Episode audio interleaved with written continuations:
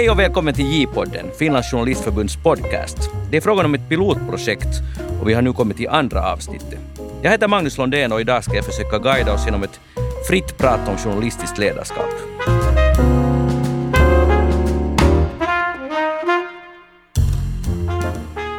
Hur är det egentligen att leda ett pack ofta egensinniga journalister och vilka fällor lurar på vägen?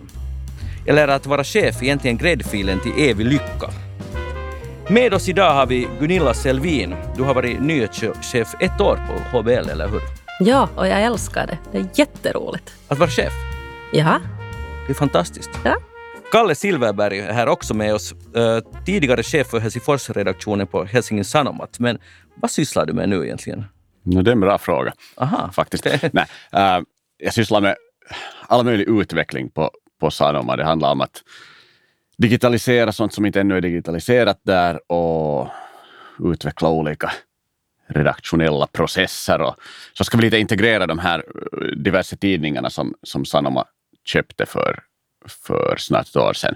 Mm -hmm. Amuletti och Satakunnan Kansa och sådana. Blir en del av, av helheten. Okej. Okay. Sånt. Så, så efter den här, diffust. Ja, diffust. Men efter den här podden, vad kommer du att göra när du går till din arbetsplats? Vad, vad liksom händer så konkret på din, i din arbetsdag? No, jag kommer att delta i ett distansmöte och uh, diskutera hur man kommer att jobba på Sanoma och i, i Sanomahuset och på distans efter den här pandemin och vad man behöver göra för arrangemang för det och mm. hur man ska leda folk i, i framtiden och var de kommer att vilja sitta konkret och, och man borde renovera Sanomahuset och så här. Utmärkt och tredje länk idag, ända, ända hela vägen till Österbotten. Ann-Sofie Berger, uh, biträdande chefredaktör och ansvarig utgivare för Österbottens Tidning, eller hur? Stämmer det här? Det stämmer. I första hand är jag kanske då ansvarig utgivare för Österbottens Tidning, så där ja. rent konkret och till vardags. Uh, sen har jag också den här titeln som biträdande chefredaktör för HSS Media, men där är vi ju tre mm. tidningar och tre ansvariga utgivare som är på samma samma nivå då. Prima. Nåja, nu ska vi börja tala om det här med att vara chef. Uh, det är bra att vi har tre experter här uh, och jag tänkte börja med att hur, om ni kort skulle kunna säga, ni behöver inte dra hela livshistorien, men Gunilla, hur kom det sig att du blev chef? Och för du jobbar ju typ var det 15 år på Yle före det, utan att jag vet inte ens om jag vill säga hur länge. Ja, men länge var det. Det, det sa jag. Det var betydligt längre än 15 år. Okay. Men äh, vad ska jag säga? Äh, jag kan säga så här så vet de som lyssnar, du kan ungefär säga. Jag jobbar största delen av mitt liv på YLE, mm. svenska YLE. Äh, jag har passerat 50-strecket och varit största delen av min tid på Svenska Yle har jag varit chef. Så jag har varit det jättelänge. Jag funderade faktiskt innan den här, att vi skulle träffas så här, att hur länge har jag varit chef? Och jag tror att jag börjar som 26, 27-åring. Så att jag har varit jättelänge. Och då började jag på TV Nytt. Som på den tiden var en färgstark eh, redaktion med väldigt mycket viljor och väldigt mycket man sa där att, att det, det, finns i väggarna, men det fanns alltså en, en, en vad ska jag säga, gruppkultur alltså, eller liksom ett sätt hur man betedde sig på arbetsplatsen som inte alltid kanske var så enkelt att, att leda. Uh, där började jag som nyhetschef och sen har jag för att nu ta den här riktigt korta versionen så har jag lett olika typer av grupper. Eh, Startat bland annat ett grävande program som kanske en del av er känner till som heter Spotlight. Eh, då ledde jag grävande och det är helt annorlunda än att leda nyheter. Sen har jag vilket jag är jättestolt över, varit chef för Naturväktarna ett år. Det var mm. också ett annat... Det är merit. Det är merit. Ja. Uh, och det är ett helt annat ledarskap. Sen, sen tänker jag det som, som Kalle var inne på här, det här liksom lite flummiga, det här som man inte riktigt vet vad man ska säga när folk frågar vad man gör. Men man fyller sina dagar jättemycket uh, och det är väldigt intressant. Så de sista åren på, på Svenska Yle så hade jag en, en titel som hette deskchef med ansvar för projekt och, och det var, äh, innehöll också en del utveckling och det var ganska spännande. Men det, det, och det tror jag är jätteviktigt, ledarskap i nutid. Alltså det är det, för framtiden är det här extremt viktigt, det som Kalle gör. Det är också viktigt att leda den dagliga verksamheten, men det är två skilda saker. Och nu är jag alltså nyhetschef på Husis, som ni säger. Ja, på Husis. Hör du, äh, mycket intressant som du berättade om. Jag vill en sak, du kommer in som 26-27-åring, så sa du i alla fall, mm. och bli chef Hurdan sorts chef på TV-nytt? Vad var det frågan Det var på den tiden så var man så redaktionssekreterare, alltså det Ja. som de idag kallar för nyhetschef. Ja. Eh, ledde det dagliga arbetet. Men jag hade ju jobbat där, jag hade ju jobbat för, som reporter. Du talade om väggarna, att du satt i väggar. Hade de svårt med en 26-årig ch- boss plötsligt? Eller var det normalt? Ja, no, det var väl kanske... Ska vi säga så här, jag tycker att man har gått framåt i, i mediebranschen också när det gäller ledarskap. Att man ser på det ett annat sätt. På den tiden var det så att alla skulle göra allt. Och så var det Mm. väl nu ungefär min tur att vara chef. Om jag nu lite karikerar. Att man Mm. satte kanske inte så hemskt mycket. Man jobbar liksom me- mera så där att det fanns redaktionssekreterare, nyhetschefer som talade om, om sändningarna som sina sändningar. Medan jag gärna såg att, att det här var ett redaktionellt arbete som pågår sju dagar i veckan. Och då borde vi ha en liksom, jämnare struktur. Mm. Och inte, inte här är min sändning och din sändning. Jag ser att Kalle lite ler här. Eh, Jag tror att han har varit med i sådana diskussioner. Och då blir det ju för den enskilda reportern, eh, uppdraget kan variera ganska starkt om man, om man har en väldigt personlig prägel på, på det jobb man gör. Mm. Så att, att det var kanske en annan, annan tid då. Utmärkt. Kalle, hur blev du nu en sån här planeringschef på Sanoma? Vilken väg har du vandrat? Nå, ja, jag måste säga först att jag låg här för att jag har tyvärr missat de allra bästa bitarna av det som, som hände på svenska Yle någon gång i tiderna för att för då, då var jag inte ännu med. Men, att det där, eh, men jag har hört, hört skrönorna nog. Nej, alltså jag, jag, någon gång där i 20, 20 25, 30 års åldern så jobbade jag på svenska Yle också. Och det där så där var jag aldrig chef. Jag, blev, jag var politisk reporter i ett antal år där. Och, och det där. Sen var det i den rollen som jag flyttade över till Hesari. De, de sökte en politikreporter och jag fick jobbet. Och så började jag som det. Och sen handlade det definitivt om att det var liksom ett ty- typexempel på att halka in på, på någon bana. Att, att jag fick sen en fråga att, att det där, sen andra chefen, det fanns ett sånt system med, med liksom två chefer per avdelning som turades lite om. Så, så andra chefen på, på den här Helsingforsredaktionen skulle vara ledig. Jag tror att det var pappaledig eller, eller vara, vara hemma i varje fall med barn och sådär. Att vill du vikariera? Sa jag att no, jag inte har ju sysslat med lokaljournalistik tidigare och inte har jag varit chef heller, men att varför inte? Att det, det låter ju bra. Mm. Vad var det som lockade dig där? Var det fyrken eller var det liksom att få leda? Eller vad var det som... Nå, kanske mest testa på något nytt. Jag hade ja. liksom sysslat med det där politikreporterskapet i, ganska många år före det så att det där man kan ju alltid testa på något nytt och, och visst är jag liksom intresserad av, av det som händer här i, i trakten och jag är härifrån och så. Men att det där, eh, ja det ena ledde till det andra, att det var lite vikariat och, och det där och sen blev det ordinarie platser lediga och, och jag blev liksom chef nummer ett där och så var jag inne ett varv på, på det där eh, politikredaktionen igen och, och, och ledde den då när, när det där ordinarie chefen där var mammaledig. Så, så det där, jag fick sen leda då som jag tidigare hade jobbat med. Men sen så, så ju mer man sysslar med det chefskapet och kanske ju mer man hade tid att, att liksom tänka på något annat än det dagliga, om man nu på något sätt liksom fick en rutin eh, med det, så började man ju fundera på att, att hur kan vi utveckla den här verksamheten? Och så gjorde vi ganska mycket liksom, utvecklingsarbete där på, i det där egna teamet. Och sen, sen grundades ett, sånt, liksom, ett, ett riktigt utvecklingsteam på, på Sanoma här någon gång. Ja, det blev för ett år sedan ungefär. Mm. Och, och då tog man in några människor där. Så råkade jag också snacka med, med, det där, med en typ och, och, och fick frågan att om jag vill hoppa, hoppa över och hålla på med det, sa jag att absolut. Okej. Då, hade, då hade den här coronan just slagit till så att, att man hade, jag hade lett, lett liksom det här egna teamet i ett par månader liksom på distans. Och, och då, fick man också ganska snabbt en känsla av att det skulle vara helt okej att syssla med något annat Ja. en stund. Det kan jag bra förstå. Det kan jag mycket bra förstå. Ann-Sofie, eh, du, där, du jobbar ju länge som eh, redigerare, så att säga vanlig, vanlig, så att säga vanlig journalist. Och sen blev du chefredaktör. Hur snabbt gick det? Berätta. Mm, det gick egentligen ganska snabbt tycker jag själv. Eh, Jag kan faktiskt väldigt lätt identifiera mig själv fortfarande med det här packet som du pratade om här i Ja. inledningsfasen. Det där gela Eh, packet. journalistpacket. Jag har, jag har varit största delen av mitt yrkesliv, kanske 20 år, eh, var jag själv en av dem så att säga.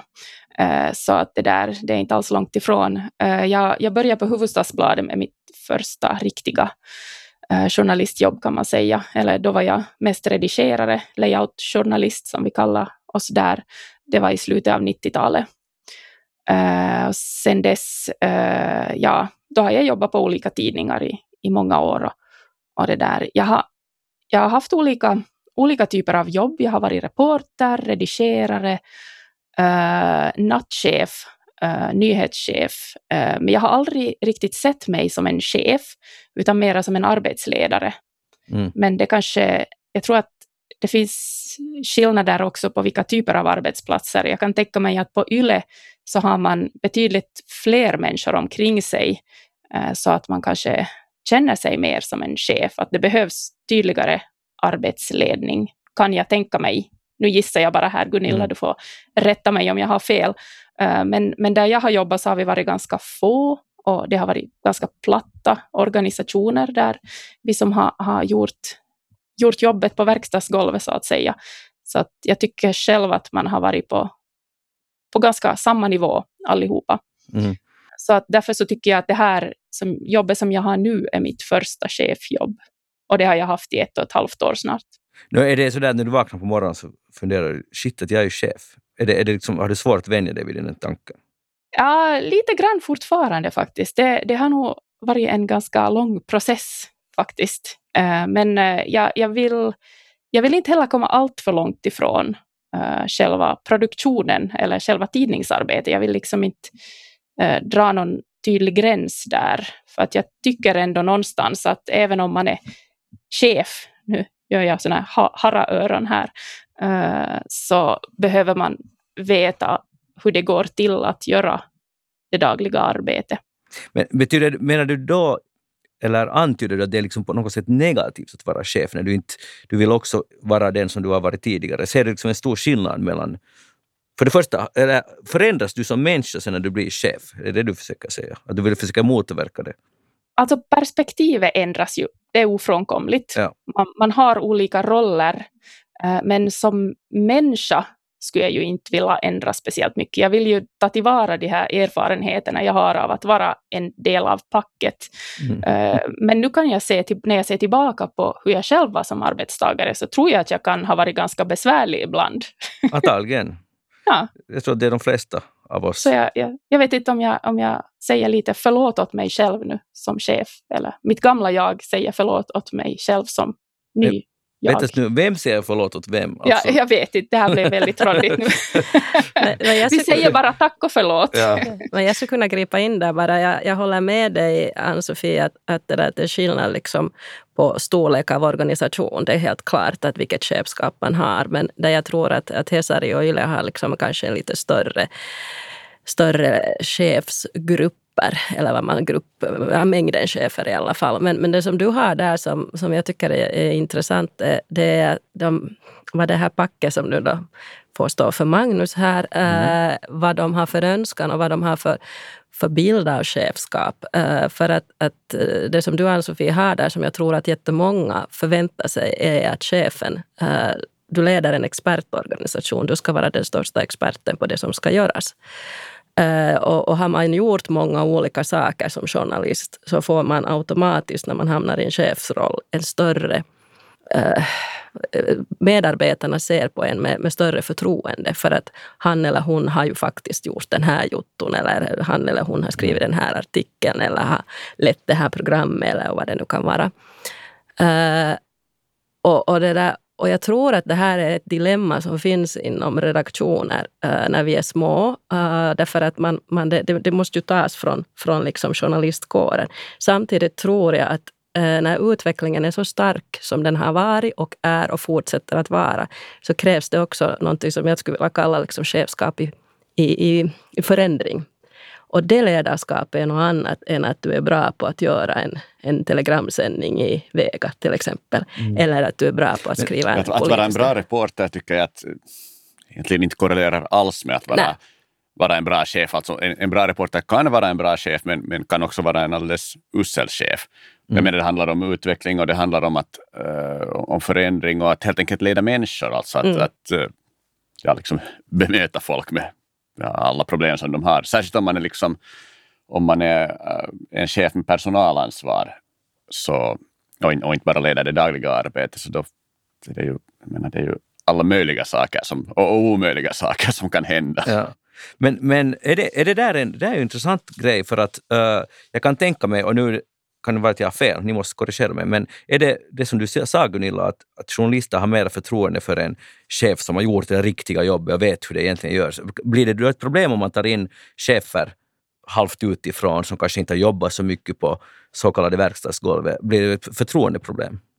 Det behöver inte bli det, det kan bli det. Men jag är inne på precis det som Kalle formulerade bättre än jag. Det vill säga att, att uh, man har ofta lyft upp duktiga journalister så att sen mm. blir chefer. Och det korrelerar inte alls, precis som Kalle säger. Att, att det beror på helt andra saker om du är en bra chef eller inte. Sen beror det ju på varifrån den där uh, chefen kommer för att det ska finnas ett förtroende. Jag tror att det förtroendet för chefen är jätte, jätteviktigt. Det betyder inte att man ska tycka samma. Det betyder inte att man ska eh, paja medhårs eller, eller liksom på något sätt eh, hålla, hålla sig hela tiden väl med personalen. Men, men, det där, men som med allt annat, att om du inte har förtroende så, så kan du inte driva saker vidare. Och det tror jag är jätteviktigt. Men det kan ju, kan ju vara någon annan bransch som den har gjort. En, en karriär som på något sätt är viktigt för den redaktionen. Det, det kan jag, jag tror att man måste ta det från fall till mm. fall. Mm, jag tror att om man kommer utifrån och inte har jobbat så mycket på verkstadsgolvet så har man Alltså det, det är jätteviktigt att man kan verkligen lyssna och ta till sig på ett mm. ödmjukt sätt vad journalisterna har att säga. Mm. Absolut, det tror jag också. Förstå vad man, vad man vet och kan och vad, vad man inte kan. Tycker du, Kalle, att journalister är svåra att leda?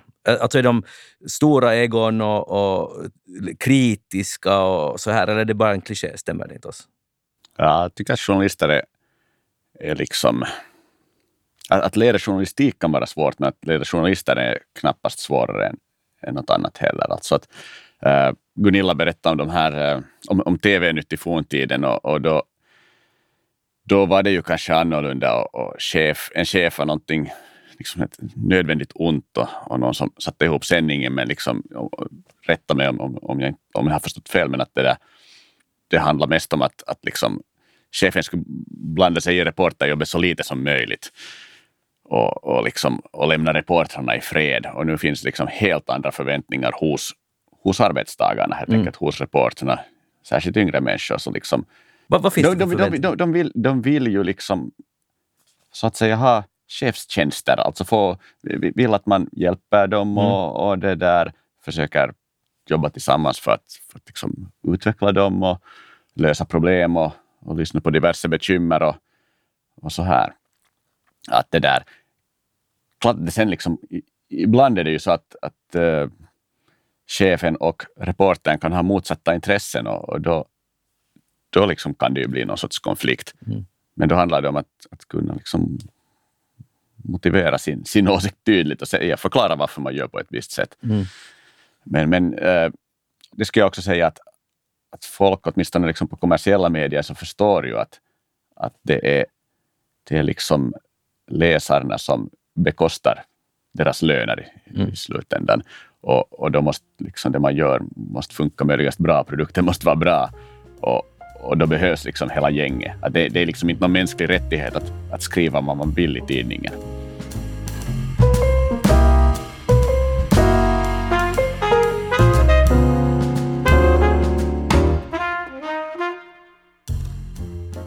Ann-Sofie, så är det så att man kan se en skillnad mellan yngre och äldre? När Kalle var inne på det här att, att yngre kanske vill ha mera, en annan sorts chefskap än så där, det så kallade traditionella ledarskapet. Märker du det på er redaktion? Ja, kanske jag, jag, kan, jag förstår vad du menar, Kalle, och jag kan kanske se det också att äldre...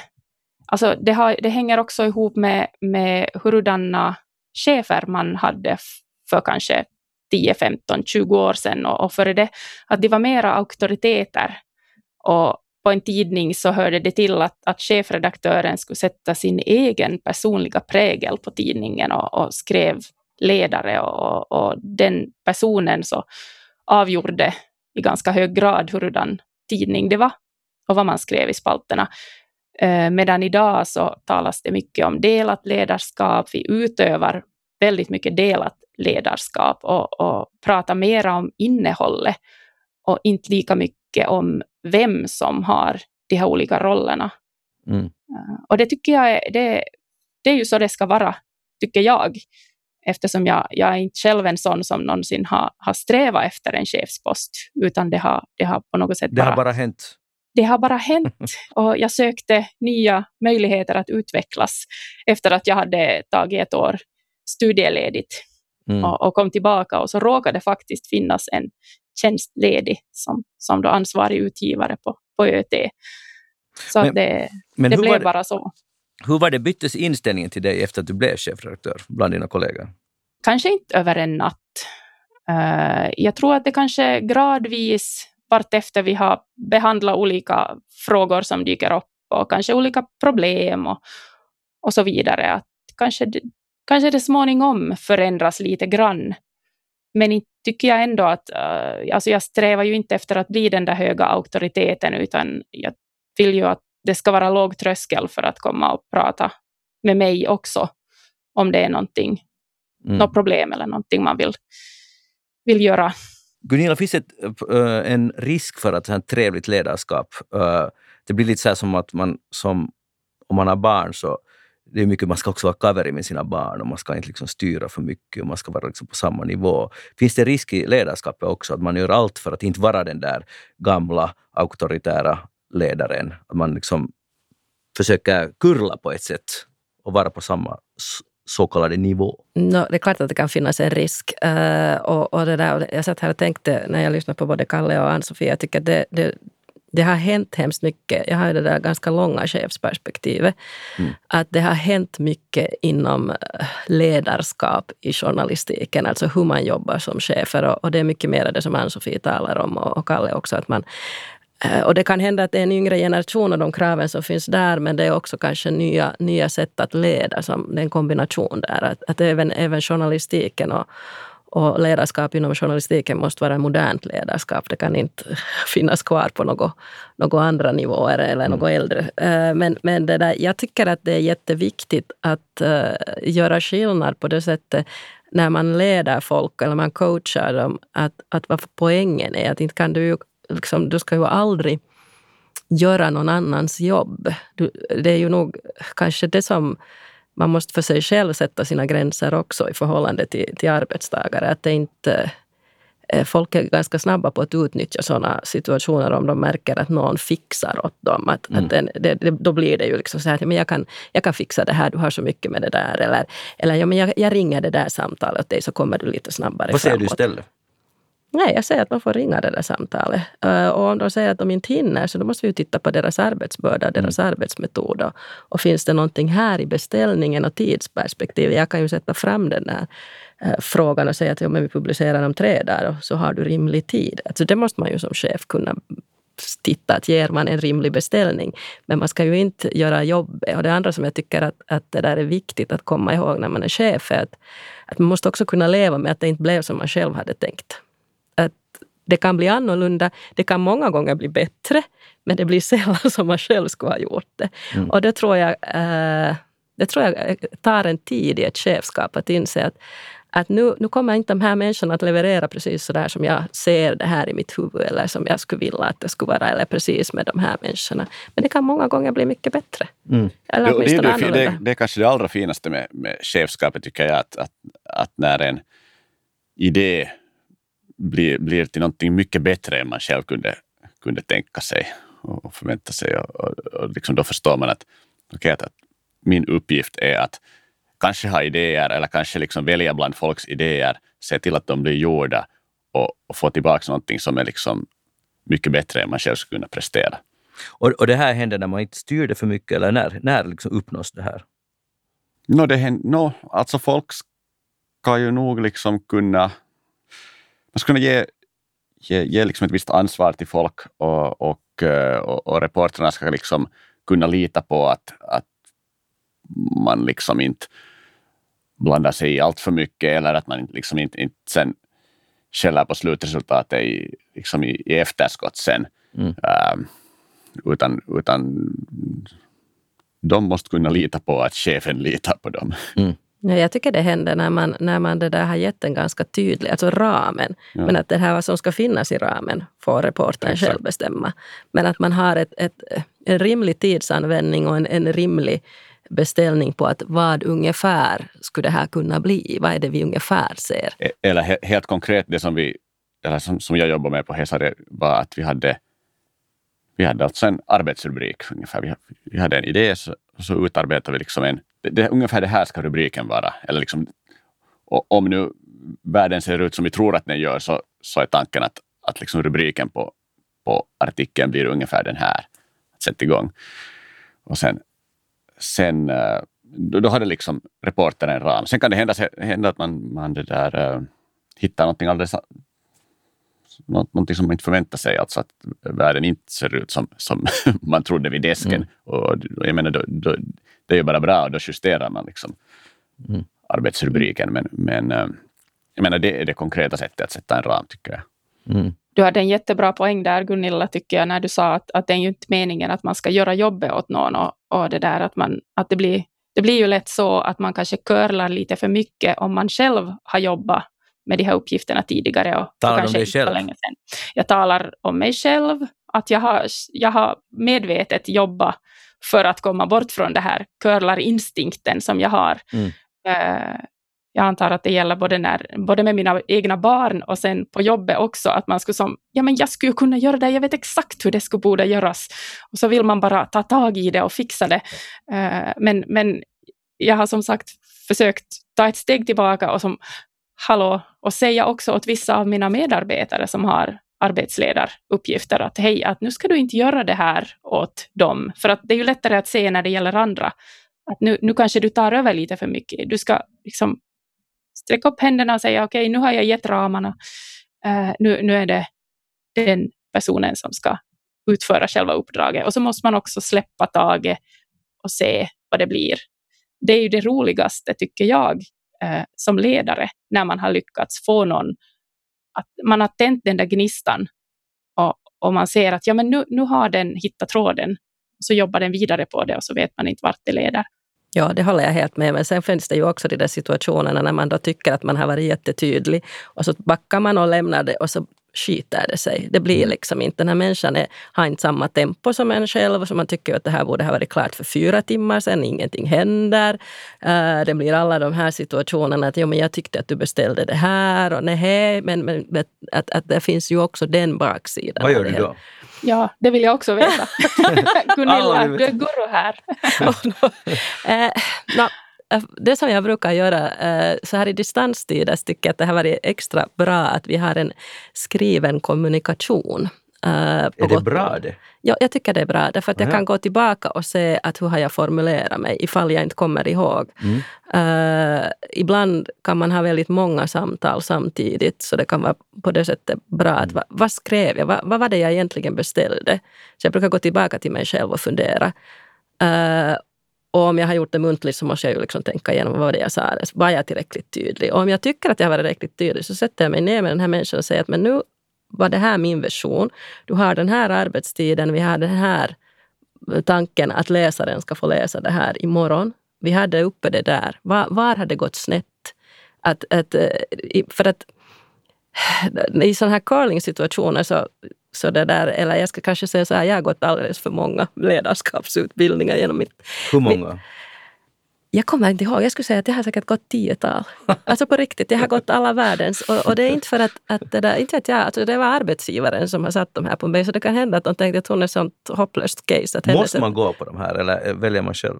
Alltså i min förra arbetsgivare så fanns det nog sådana som du måste gå på. Okej. Uh, och, och tanken var nog god, alltså att man skulle lära sig ett bättre ledarskap. Det tycker jag är helt bra. Men, men det där, uh, ju fler kurser desto fler gurun och det är fler Mm. liksom, ideologier och fler så här. Men i en av de här finns liksom det här att, att man inte ska liksom ta emot när folk kastar apor som det då hette. Alltså sådana liksom på något sätt saker mot tillbaka. Att, att du har inte gett en tillräckligt tydlig beställning eller, eller du måste väl förstå att det här går inte att göra på, på sånt här och, och liksom så här. Så, så det jag försöker göra är att jag, benar, jag sätter mig nog ofta snabbt ner med den det gäller och, och för en diskussion eller sitter ner och ringer eller vad man nu, i så här coronatider kan man ju inte sätta sig med folk på samma sätt. Men Eh, för jag vill reda ut det ganska snabbt. Jag vill inte att det ska bli hängande, eh, en sån här. Eh, Brukar det lösa sig sen? för det mesta, ja. Eh, det blir fortfarande kanske inte här eh, att det inte blev tillräckligt det som jag hade tänkt att det skulle bli. Men sen kanske man kommer vidare i processen. För att ibland finns det ju orsaker till varför folk inte blir klara i tid. Det kan handla om arbetsmetoder, det kan handla om privata orsaker, det kan handla om, om någonting helt annat.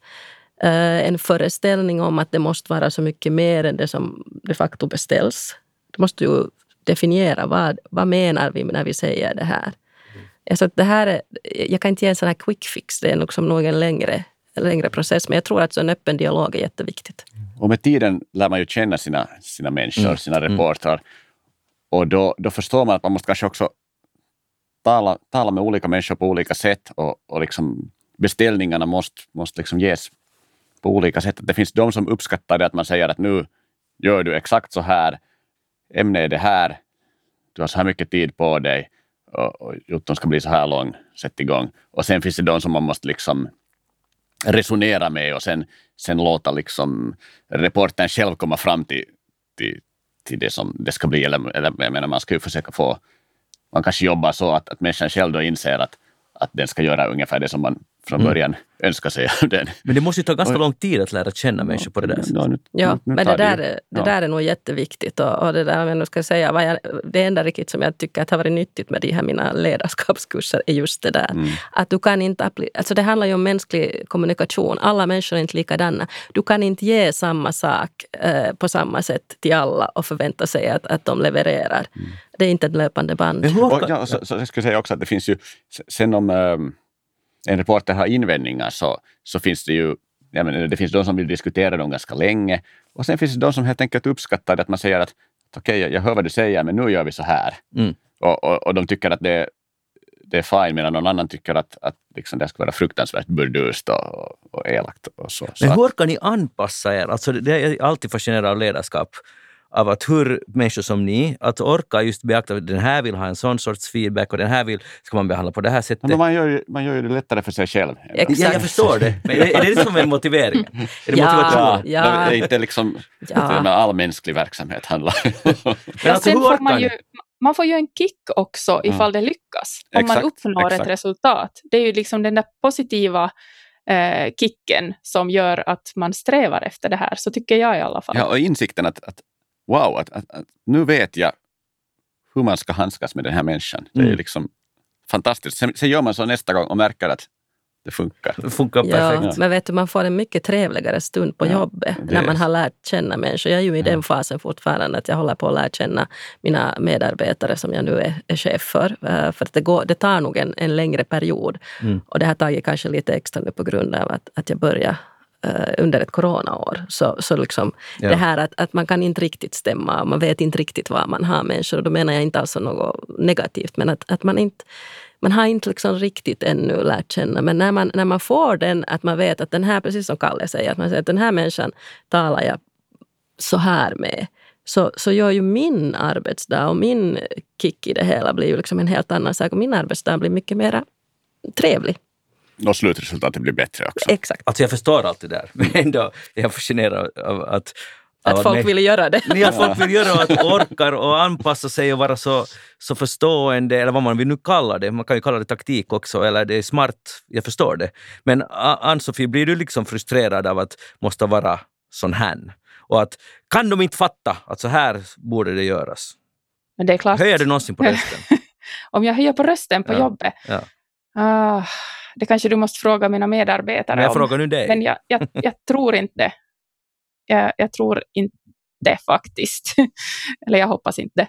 Men det är klart att man kanske inombords eh, tänker en hel del och ibland känns det som om huvudet håller på att spricka av frustration. Mm. Eh, och då behöver man någon att prata med. Och, och, det kan ju bli ganska ensamt ibland, men, men eh, man, det är nog viktigt att man har någon som är antingen på samma nivå men kanske har andra arbetsuppgifter som man, man kan diskutera med. Eh, mm. eller någon hemma som man kan väl, vältra ur sig äh, saker åt. Men den kan ju kanske inte då ge sådär konkreta råd eller lösa situationen på något sätt. Men, men i alla fall att man kan prata av sig. För att man kan ju inte hälla ut allting över medarbetarna heller, det går ju inte. Men, men någonstans, om man, om man har tagit emot väldigt mycket, så behöver man släppa ut lite ånga. Men hur gör ni andra? För att det, oberoende hur fantastiska ledare ni är, så det måste ju vara så att det uh, kommer att spöka där när ni ska gå och sova. Någon som inte, något, som, något samarbete som inte funkar eller något som är angstigt på något sätt. Så talar ni med en eventuell partner eller har ni någon ni kan gå och snacka med istället? Någon er chef? Ja, eller hur funkar det? Åtminstone för mig så har det här, för den här sammanhållningen hållningen mellan olika mellanchefer på Hesari, och de, de är ganska många där, så, så har varit jätte, jätteviktigt. Alltså folk som, folk som sysslar med liknande, upp, liknande uppgifter, mm. alltså leder team men, men liksom då inom andra ämnesområden, så diskutera liksom chefskap med dem eh, jag menar, det har, det har varit helt avgörande för att, mm. för att man liksom ska klara av sitt jobb. Så du ringer till någon när ni går ut tillsammans? Eller hur? Nej, men jag talar nu kanske mest om, om, om sådana tider då man kunde liksom diskutera på, på, på redaktionen liksom över en lunch eller mm. jag menar så går man på en öl efter jobb eller någonting mm. sånt. Men att det där, äh, ja, jag ja, tror att det är ja. jätteviktigt. Jag försöker undvika att, att liksom förpesta hemmet med allt för mycket jobbsnack för att ja, det, är liksom, det är också ett sätt att, att hålla liksom, äh, jobb och, och familjeliv isär lite. Ja. Jag tycker det är jätteviktigt att man talar äh, faktiskt med, med samma, folk som är på samma nivå. Därför att, att, och jag tycker det är viktigt att man, man pratar om sitt ledarskap för att Eh, även om vi nu kanske nu framställer oss här som om vi skulle vara någon sån här übermensch, eh, så är jag nog helt, jag ska bara tala för mig själv, jag ska inte dra in någon annan här, men jag är nog helt vanlig dödlig eh, som också kan göra fel. Och det tror jag är jätteviktigt att, att man får en, liksom bolla det utan att att man kan liksom inse en säker tillvaro, att man inte är rädd för att, att det är några frågor som på något sätt ja, inte kan, kan lämna företaget utan att man kan liksom tala med någon eh, om att gjorde jag rätt här eller borde jag ha tänkt på något annat sätt. Mm. Sen har jag haft turen att ha haft eh, kollegor som gör exakt samma jobb. Eh, och det eh, har också varit en, en, en, en styrka eh, för att då kan man också li, jobba liksom lite på helfart och halvfart på det sättet att ibland drar den ena ett, ett längre lass medan den andra lite tar tillbaka eller gör lite andra uppgifter för att få mer energi. För att det är helt klart att ledarskap kostar i energi. Eh, för att du ska orka. Att nu finns det ju morgnar när man tänker sig att men, oh, jag skulle inte orka höra på den här frågan igen. Jag tycker att vi har avhandlat den här nu 15 gånger. Att nu har vi igen ett möte kring den här frågan. Och nu talar jag inte om min nuvarande arbetsplats och inte talar jag om min gamla heller, men det finns liksom stunder när det har varit frågeställningar som är viktigt för den enskilda medarbetaren eller grupper som driver frågor och du kommer liksom inte riktigt vidare. Mm. Och, och, då kan man behöva uh, antingen så som Kalle var inne på, att man har liksom flera som är på samma nivå eller sen en, en det där. Men jag tycker också att alltså det är jätteviktigt att man vågar se sig själv i spegeln och kanske med den man då diskuterar ställa frågan, man beskriva ärligt hur man har agerat i någonting, en problematisk fråga till exempel, och, och fråga att hej, borde jag ha gjort på något annat sätt? Att faktiskt tänka sig att det, det inte var perfekt det jag gjorde och kanske jag kan göra det bättre på något annat sätt. Brukar du säga sorry sen om det, om det gick så? Kan du, är, är det hör det till ja. om du sen säger att okej, okay, att, att nu var det jag som lite felade här? Ja, absolut jag tycker det är viktigt om man faktiskt inser att, att hej, men nu, nu blev det faktiskt lite fel. Då måste man eh, kunna erkänna det. Mm. Jag tycker man måste vara faktiskt ganska snabb, snabb med att säga, säga förlåt. För att, också då när man då kanske inte jag menar, man ska kanske inte säga det utan orsak, men att, men att ens misstag kan vara ganska litet och, och då ska man liksom vara generös med ursäkter. Men jag skulle säga att det, liksom, det allra bästa rådet som jag har fått, uh, som var alldeles i början av Eh, min chefskarriär och jag fick det av en, av en kollega som, som hade gjort, sysslat med liknande uppgifter lite längre och, hon sa då att kom ihåg att du, som chef så misslyckas du varenda dag mm. med flera saker. Och, och när, man, när man kommer ihåg det så, så det där känns allt mycket lättare. Jag menar för att, för att när man kommer från en bakgrund som reporter så, så sysslar man kanske med en artikel per dag och då liksom är ju utgångspunkten att den inte ska, den inte ska innehålla misstag och fel och felaktigheter. Men, men om man är chef, leder folks jobb och har några andra projekt på gång, så är det, jag menar, det är tiotals saker man tar ställning till varje dag och, och man kan liksom omöjligtvis lyckas med, med allt. Mm. Åtminstone, eller åtminstone inte vara perfekt. Och, och liksom, ju tidigare man inser det, så, så desto bättre. Då slipper man en mm. massa mm. överloppsstress. Det var nog ett jättebra råd, för att det blir ju lätt att man piskar sig själv väldigt hårt och till ingen nytta, för att man, blir, man bara gräver ner sig ifall man inte kan komma över något som man upplever att man har gjort fel. Mm. Speciellt när det handlar om människor. Man har ju mycket med människor att göra, åtminstone i mitt jobb så är det största delen av mitt jobb går ut på personalfrågor kanske. Mm. Människorelationer. Eh, det är ganska svårt och man kan bli ganska knäckt ifall det inte blir som man hade hoppats. Att, att vara chef betyder ju också att man är mittemellan någonting. Uh, ni har de som jobbar så att säga för er eller som ett team ni leder. Men sen har ni också era egna chefer. Det kan finnas ekonomisk press eller krav eller det finns krav, andra krav. Uh, och ni är, fast hur hög chef man än är så ofta så finns det, om inte någon annan så finns Gud någonstans. Men i alla fall, han är ny chefredaktör för de här tidningarna. Men att, att, att, känner ni den här pressen, att ni måste också leverera? Blir det liksom svårt att balansera absolut, det? Absolut finns den pressen. Och, och vad ska vi säga, eh, en sån här, ett sånt resultatansvar tycker jag att, att liksom de senaste åren har, har krupit allt längre ner i organisationen så att, att liksom också en, också en sån här en chef liksom, eller någon sorts producent strax över reporternivån så, så har den ganska tydliga eh, mål som man säkert kan mäta, eller som man kan mäta i pengar också. Mm. Det där, om, om det tidigare var chefredaktören eller, eller kanske till och med bara en VDs uppgift att, att se till att, att liksom de ekonomiska målen uppfylls så, så finns det med på ett, på ett helt annat sätt nu. Mm. Stressar det dig? Ja, no, det gör det å andra sidan jätte, jätteintressant. Alltså det, jobbet, det är liksom för, för att man Alltså det fina i, i, i nutiden är det att det finns så, så klara liksom indikatorer på om, om liksom folk gillar det man sysslar med och, och, och, producerar. Alltså om folk är redo att betala för, för det som, som redaktionen producerar. Mm. Då, då, är det ju ett tecken på att men klick är kanske inte en, en, en så bra mätare alltid, men, men att om folk läser, tar till sig det som, som görs på en, på en redaktion och är redo att betala betala för det helt enkelt. Så då, då vet man ju att det här inte kan vara helt fel. Och, och den mätaren fanns ju inte alls på samma sätt förr. Eller det, det var liksom mycket diffusare.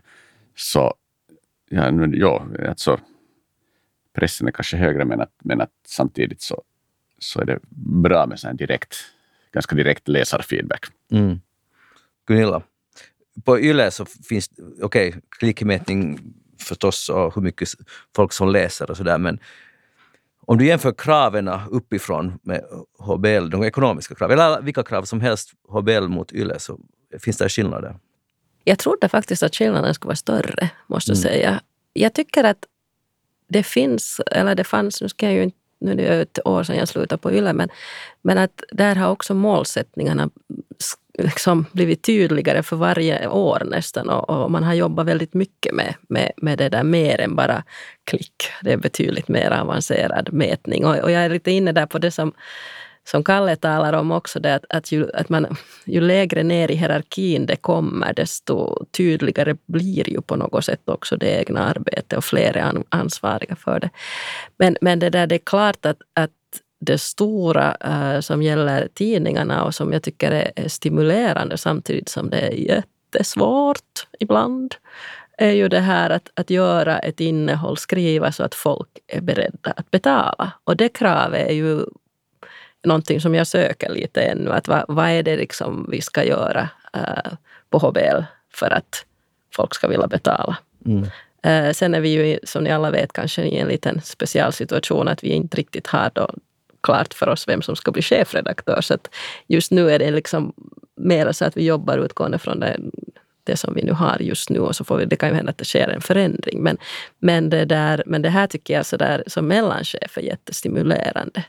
Och det är klart att, att, det, där, att det är jätteviktigt. Och, och inte ligger jag heller sömnlös, men inte det, inte det är någonting som jag bortser, utan det är ju nog någonting som vi har med i varje diskussion som vi för. Att, att vad satsar vi på, vad satsar vi inte på och vad vill läsarna ha? Mm. Och, och, det tycker jag också är jätteviktigt. Att, att, det där, att det är därför vi leder det här arbetet. Det är därför vi alla är i den här branschen. Uh, och nu blir det sådär lite sådär festtalsaktigt att vi är här för läsarna.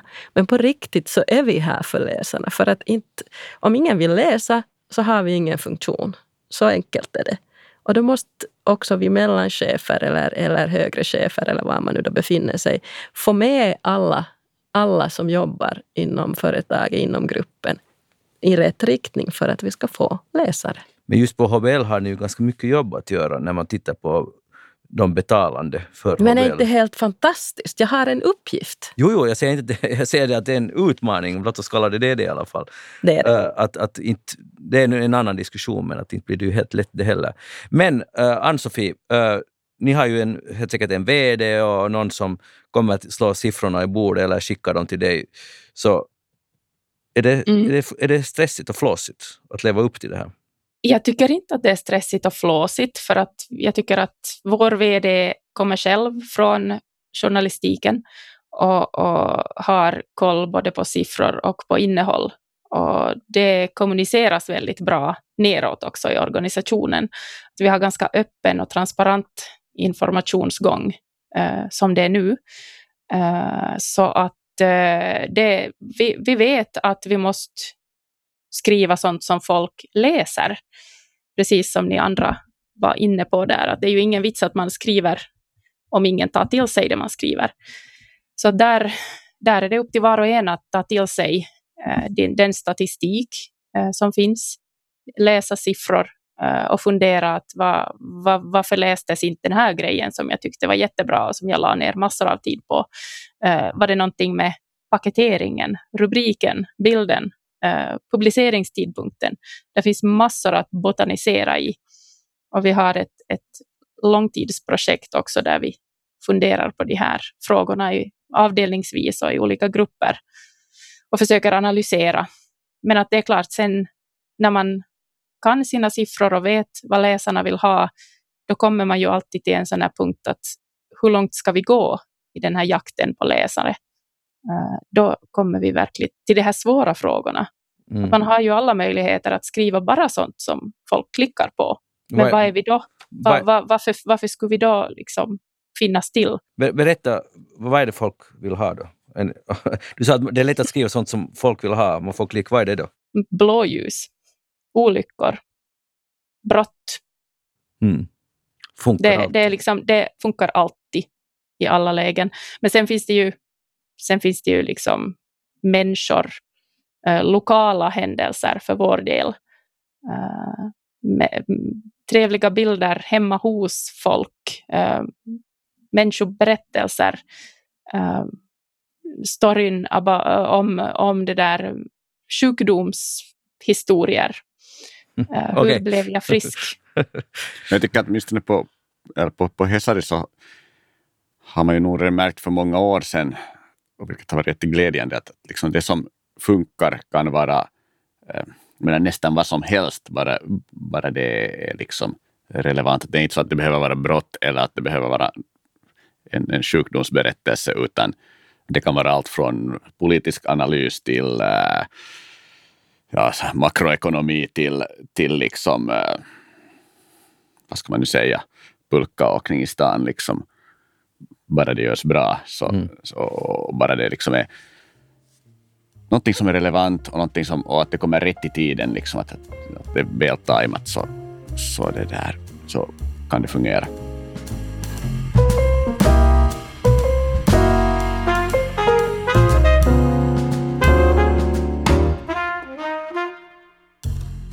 Här finns en, en, jag läste om en chef, före detta chefredaktör i Sverige, Anders Ingvarsson, som jag nog inte hade hört om tidigare, men i alla fall, han hade varit chefredaktör för Hudiksvalls tidning och Ljusnan och Ljusdalsposten och så vidare. Och så vidare. Nåja, sen ställer svenska journalisten, tidningen journalisten frågan att du sa att det är jäkligt jobbigt att vara chefredaktör. Vad är det som har varit jobbigt? Och då har han svar så här.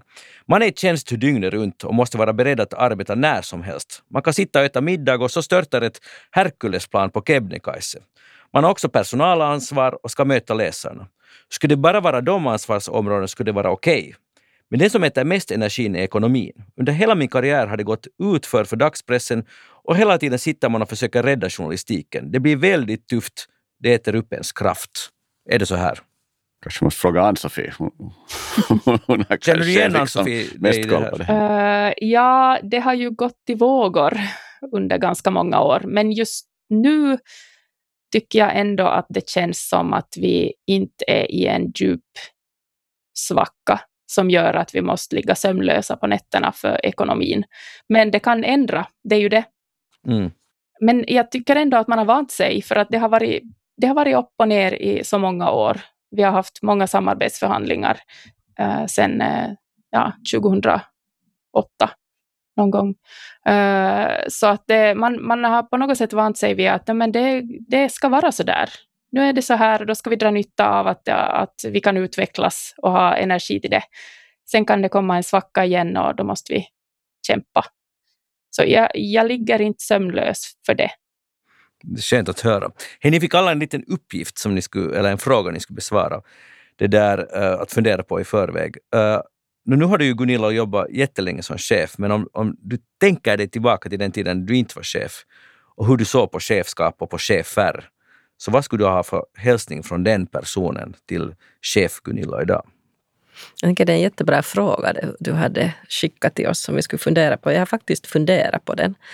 Uh, och, och, jag har hittat många olika svar så att jag har liksom inte riktigt bestämt mig för vilken jag, mm. jag skulle vilja säga. Men kanske egentligen när jag tänker efter, alltså det som jag var då när jag var reporter och, skulle, så, och liksom till, till bli chef och det som vi var inne på här i början av diskussionen, att inte vara så ängslig för att uh, bli en annan person och inte vara så ängslig för att, att det där uh, att jag inte ska kunna vara vän med människor. Det var kanske det som jag, jag det där grubblade på ganska mycket i början. Uh, och det som jag tycker att jag liksom har lyckats ganska bra med, att jag har många som jag har varit chef för som jag också privat kan vara vänner med och vi har liksom tycker jag klarar det här jättebra i 20. Utmärkt. Kalle, vad har du, unga Kalle, för hälsning till lite äldre Kalle, chefskalle? No, no, ja, unga Kalle skulle säga att, att um, ja, det, det som är bra är att, att det där att just förankra, förankra saker och förklara, förklara liksom ganska öppet för, för ens team att vad, vad det där, varför man gör på ett visst sätt och vad man ska göra i, i framtiden och vad det finns för planer. Så att där får, liksom, där får chefskalle beröm. Sen skulle unga Kalle kanske säga att, att, eh, att det är fint att, att, att chefskalle, just som jag sa, försöker bemöta folk liksom individuellt och, och liksom eh, anpassa tonläge och, och, och, kommunikationen. Men så tillägger unga Kalle att kanske det då gärna ändå kan finnas, finnas liksom någon sån där gräns eller, eller någon punkt där, där chefskalle också säger ganska tydligt att, att nu gör vi så här eller att det här var, det här var inte bra. Och, och det där. Och det, det hör nog till det svåra absolut i, inom chefskapet att, att säga, säga till folk när man har kommit till den punkten att man måste säga att nej, nu, nu har du nog liksom misslyckats, det här har inte gått bra. Mm. Så det är inte lätt, men att uh, det ska man ha mod att göra. Men, liksom, kanske oftare än, än man gör. Alltså tydlighet helt enkelt. Tydlighet, ja. Och, att det finns en gräns för allt. Mm. Ja, bra, en god hälsning. Ann-Sofie, vad har, vad har reporter Ann-Sofie och layout Ann-Sofie för hälsning till chefred? Mm, det finns flera saker, eh, men det som jag kanske eh, tydligast håller på och lär mig att bli bättre på, det är att man kan aldrig kommunicera för mycket. Det låter enkelt och det kändes mycket enklare när jag själv var reporter eller layoutare. Att varför kan inte chefen bara diskutera saker innan de går och bestämmer någonting? Eller varför kan de inte informera bättre och snabbare. Varför ska man måste höra det skvallervägen? Men det är mycket svårare i verkligheten.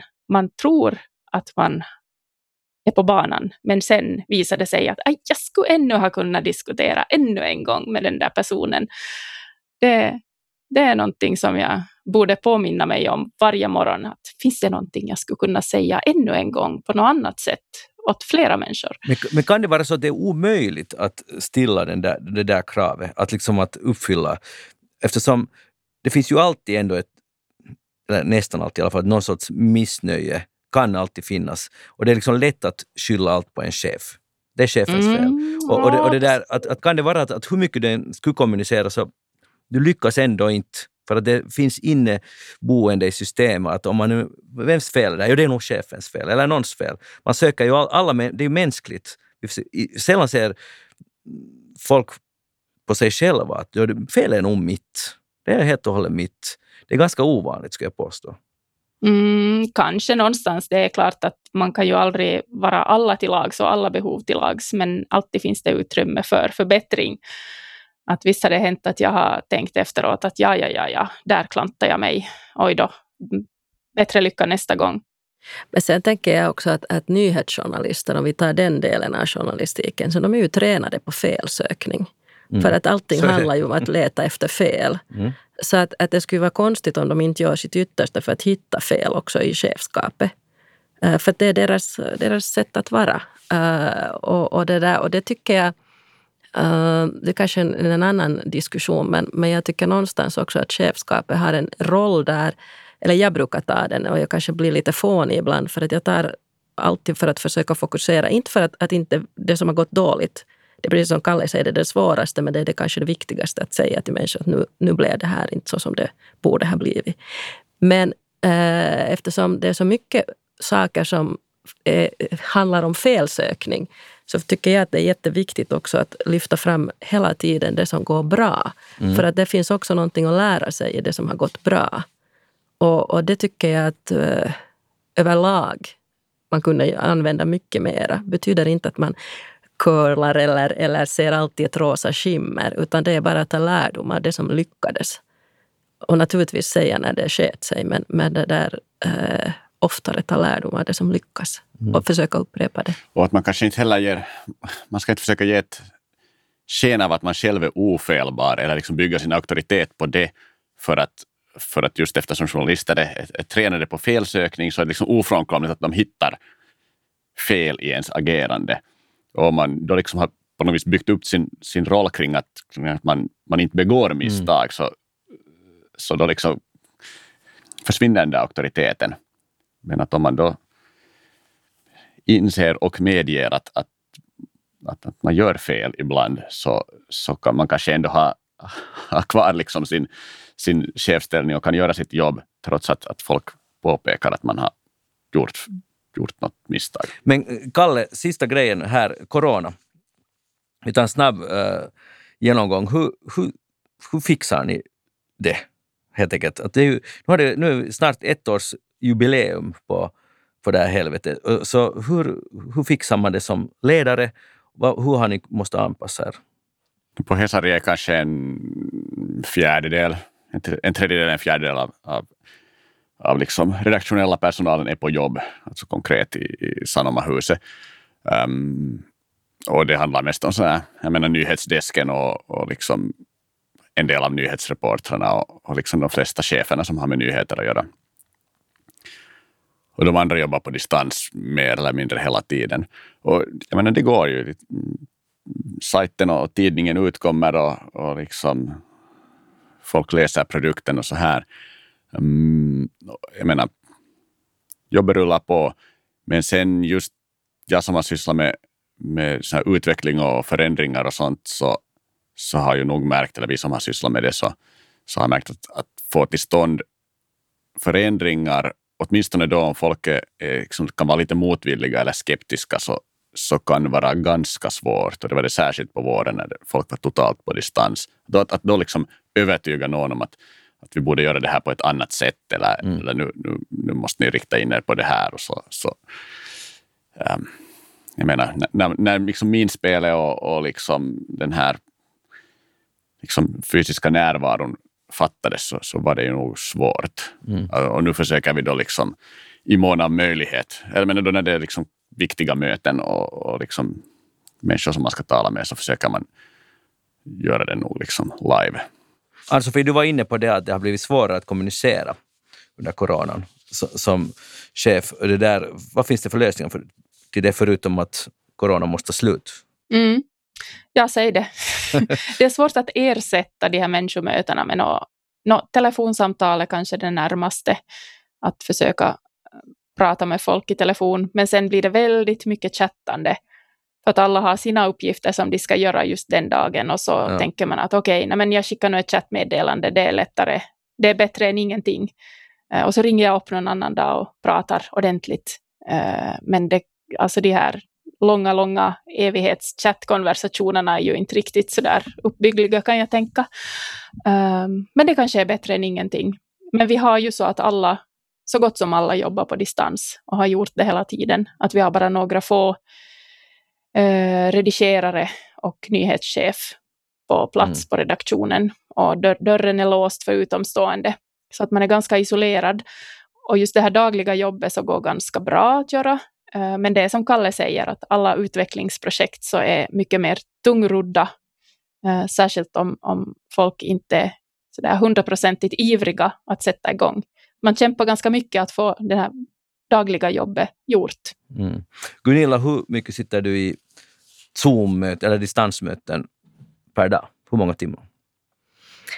Ja, eh, eftersom vi har så gott som vi har också nyhetsdesken på distans, så, nice. så vi har liksom i princip allt på distans. Uh, vi har möjlighet för folk att komma till, som reportrar uh, om de vill komma till, till redaktionen, begränsat antal och så här. Så att, och också layout på distans. Det har vi haft sedan mars, så, så det blir nog väldigt mycket. Typ, uh, alltså talar vi om två timmar, fyra timmar, sex timmar, åtta? Mm, varierar lite, kanske fyra timmar. Mm. Så snitt. Känner du hur galenskapen kommer krypande? Ja, ibland. Uh, det där, sen, sen det att jag sitter i ett distansmöte betyder ju inte att jag sitter, utan jag försöker ju gå ut och gå och ha mina möten. Mm. Jag vet kollegor som, som rör på sig på olika sätt under möten, oftast utan bild dock. Och det är kanske lika bra för att det kan bli lite irriterande om någon håller på med jumparörelser. Mm. Så att, att det där, för att nu inte bli riktigt uh, galen så försöker jag nog göra dem på olika sätt. Och det handlar väl snarare om min egen, egen, liksom, min egen ork och, ergonomi och sånt här. Men det som jag tycker kanske uh, jag märker en trötthet bland personalen uh, och just det här liksom, önskan om att, att få bolla och få, få liksom sitta på en lunch och bara komma på hej men om vi gör så här. Mm. Uh, som gäller det dagliga arbetet. Den delen är ju borta och den blir liksom sånt projekt att hålla på och skriva. För, och, och då beror det på hur man är. Att en del människor vill ringa, en del vill skriva. Men det är fortfarande en mycket större insats än att man möts i korridoren och säger hej, jag tänkte på en sak. Och, och, det där, och den delen, det här naturliga sättet att, att bolla, också det dagliga, inte bara framtid och projekt, så tycker jag att, att eh, att nog är hemskt svårt under, mm. den här tiden. Och jag ser nog inte riktigt någon, någon vettig lösning på det. Vi, vi har testat nu lite olika sätt. Jag tror att vi har ändrat vårt morgonmöte fyra gånger under den här perioden för att mm. ge och det andra, för att kunna liksom svara på behov och, och, försöka göra det så vettigt som möjligt. Det andra som jag tycker också blir jättesvårt och som jag inte tycker att jag lever upp till just nu är feedback. Mm. Jag tycker inte att jag ger en tillräckligt bra feedback så som jag borde göra och som jag vet att jag kan göra en återkoppling på. Men det går liksom inte från köksbordet i Ekenäs. Så Kalle, enda, enda lösningen på allt det här är det att corona är slut? För du sa att ni funderar på, på hur man ska jobba efter corona. No, vi vågar väl lita på att, att liksom det här läget tar slut någon gång. Att åtminstone blir mindre, mindre besvärligt. Så att det där, ja, det, det, liksom, det utgår ifrån. Ja. Jag tittade på lite gamla, gamla material igår faktiskt och, och så att, att jag hade en powerpoint där det stod liksom som handlade om en exit, det var en exitplan från, från då corona-vardagen. Och den var daterad den 6 maj 2020. Så att det där, vad ska vi säga, att ja, man trodde ju kanske det skulle gå snabbare men, att, mm. men, men, men, det ska nog bli slut på det här. Ja, och sen tror jag också att, att det där att, att det, det, det gäller ju att hitta nya metoder också. Och, och det där jag tycker att, att det har varit många som har visat på helt nya sätt att, att både kommunicera, jobba, leva, allt det här. Så jag tror också att här kommer säkert eh, input för, för sådana här mellanchefer som oss. Att, att hur, kan man, hur kan man leda människor på distans på ett nytt sätt? Att vi är kanske lite fast i hur vi brukar leda. Det blir en ny kurs för dig. Det är just vad det blir. det kanske blir det. Kanske du kommer fram till någonting bra som du kan lära ut åt oss andra. Vi tar en ny podcast om det. Hej, fantastiskt att ha diskutera ledarskap med er. Sista frågan. Um, Gunilla Selvin, tänker du, vill du vara chef resten av din yrkeskarriär? Vilken bra fråga. Och jag tror faktiskt det. Eh, jag tror, jag har kommit till den punkten i mitt, jag har ju så, bara jobbat så pass länge, eh, att jag känner någonstans att det jag är bra på, det jag brinner för, är egentligen att leda journalistik. Och så tycker jag att, att leda förändring är, är spännande och där har jag inte riktigt kommit i mål. Och då tror jag att leda förändring kommer nog att pågå ganska länge. Så att ja, För, för evigt. ja kanske. Utmärkt. Kalle Silverberg, hur är det med dig? Ser du dig som chef? Ja, jag skulle ha samma svar som Gunilla faktiskt. Att, att det, där, eh, det är roligt att, att leda och att leda journalister och, och att utveckla saker överlag. Um, och man måste kanske också inse var, var, var man har liksom sina relativa styrkor. Att det, det är kanske just på det här att, Mm. att, att leda människor och så. Att sen, sen finns det liksom kanske hårdare skjutjärn någonstans eh, på redaktionen. Men att, men att det där, ja, man gör det som man tycker att man kan någorlunda. Så sannolikt fortsatt chef. Sannolikt. Okej. Ann-Sofie Berger, hur har du det? Är det här en tillfälligt till låns chefskap eller tänker du fortsätta med det här om, om du har möjlighet? Mm, nej, jag tänker förhoppningsvis, och får förhoppningsvis fortsätta ett tag till åtminstone. Sen vet man aldrig. Jag saknar ganska mycket det här hantverket också. Mm. Att själv få, få sitta i min, i, i min grotta och skriva någonting. Men eh, vi får se, vi får se. Kanske inte hela yrkeslivet som chef. Utmärkt. Ett tag till.